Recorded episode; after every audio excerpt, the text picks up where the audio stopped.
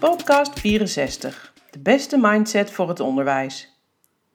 Hallo, ik ben Simone Sarfati en je luistert naar de 64ste onderwijskwestie. In deze uitzendingen bespreek ik alles wat me raakt in het onderwijs. En dat was de afgelopen tijd best veel. Niet alles loopt namelijk zoals ik wil. Heb jij dat ook wel eens, zo'n periode waarin je rondloopt met de grootste plannen die door de buitenwereld maar niet uit de verf komen? En dat, dat vind ik het ergste, dat je aan jezelf begint te twijfelen. Zo van, ben ik dan gek? Snap ik het dan niet? Ik ben uitgedacht en soms denk ik wel eens van, moet ik me niet gaan omscholen? Voor mij speelt op dit moment dat het afronden van het grote onderwijskwesties marathon podcastboek vertraging oploopt. Terwijl ik alle verhalen waarvan ik ben gaan houden het liefst vandaag nog zou willen delen met heel Nederland. Wat je moet weten is dat ik een paar van de podcasts die ik heb uitgezonden al een jaar of vijf geleden begon te schrijven met de intentie om leraren een hart onder de riem te steken. Dat was zelfs heel lang de werktitel van mijn boek, maar het lijkt er soms op dat ik amper leraren bereik. Mijn oproepen om te delen in de social media blijven nagenoeg stokken in het MP3-bestand en maakt dat ik me afvraag hoe het komt dat in een sector die gericht is op de mensen van de toekomst nog niet automatisch waardevolle informatie deelt en zo weinig actief is op de nieuwe media als het gaat om delen. Posten, ja, dat gebeurt wel. En af en toe wordt er ook nog wel eens gereageerd.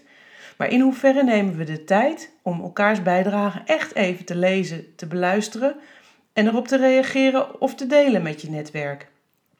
Ik heb zoveel plannen, maar de onderwijswereld resoneert niet mee en dat is zeer waarschijnlijk hetzelfde gevoel als wat leraren hebben als zij hun inspiratie niet kwijt kunnen aan de omgeving en min of meer genoodzaakt zijn om zich te houden aan alles wat bekend is binnen de maalstroom van alle dag. En die is al druk genoeg. Heel herkenbaar, maar nog niet eerder voelde ik daarbij zoveel frustratie of irritatie loskomen als de afgelopen dagen. En dat ondanks de inspirerende gesprekken die ik voer met mensen in en rond het onderwijs ondanks de kansen die ik zie voor de vormgeving van onderwijsarrangementen. Ondanks de oplossingen die er wel zijn rond thuiszitters, pesten, ICT, passend onderwijs, samenwerken, professionele cultuur, doorgaande lijden en ga zo maar door. En daarvan raakte ik bijna in de put. Maar ik weet het, daar los ik helemaal niks mee op. Dus ik ging bij mezelf te raden hoe het zat met mijn mindset. Want misschien zit het wel tussen mijn oren en tussen de oren van het onderwijs. Mindset, een term die ik de laatste tijd best regelmatig langs zie komen.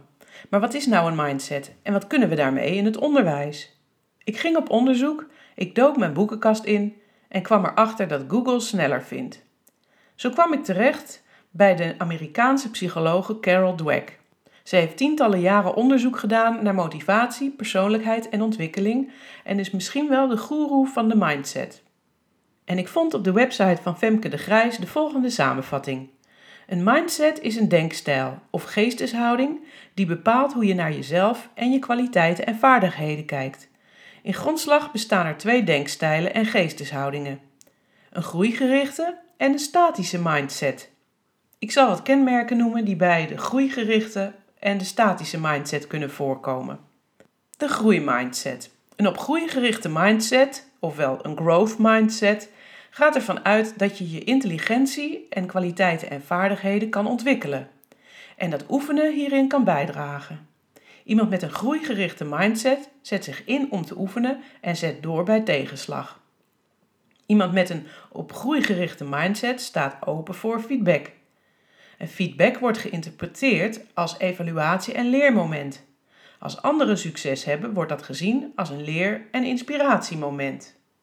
Dus dat is de groeimindset. Een statische mindset is iets anders. Iemand met een statische mindset gaat ervan uit dat intelligentie, kwaliteiten en vaardigheden aangeboren zijn en vaststaan, waarbij oefenen geen zin heeft en dit niet kan veranderen.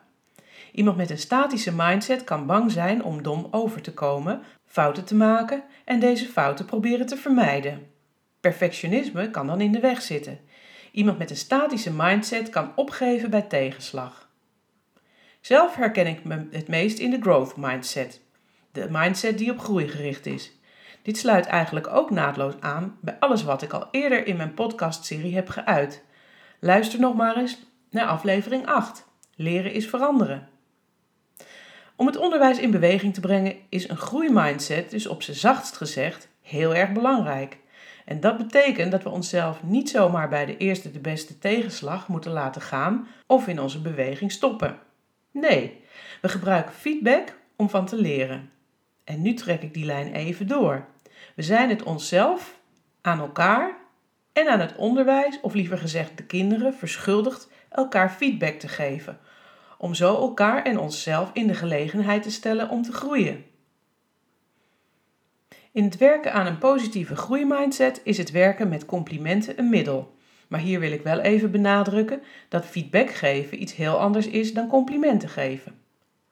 Aleid Truijens van de Volkskrant waarschuwde er half september ook nog voor dat holle complimenten en voortdurend applaus zelfs gevaarlijk zijn. Nee, het gaat dus om feedback. Van feedback kan je groeien.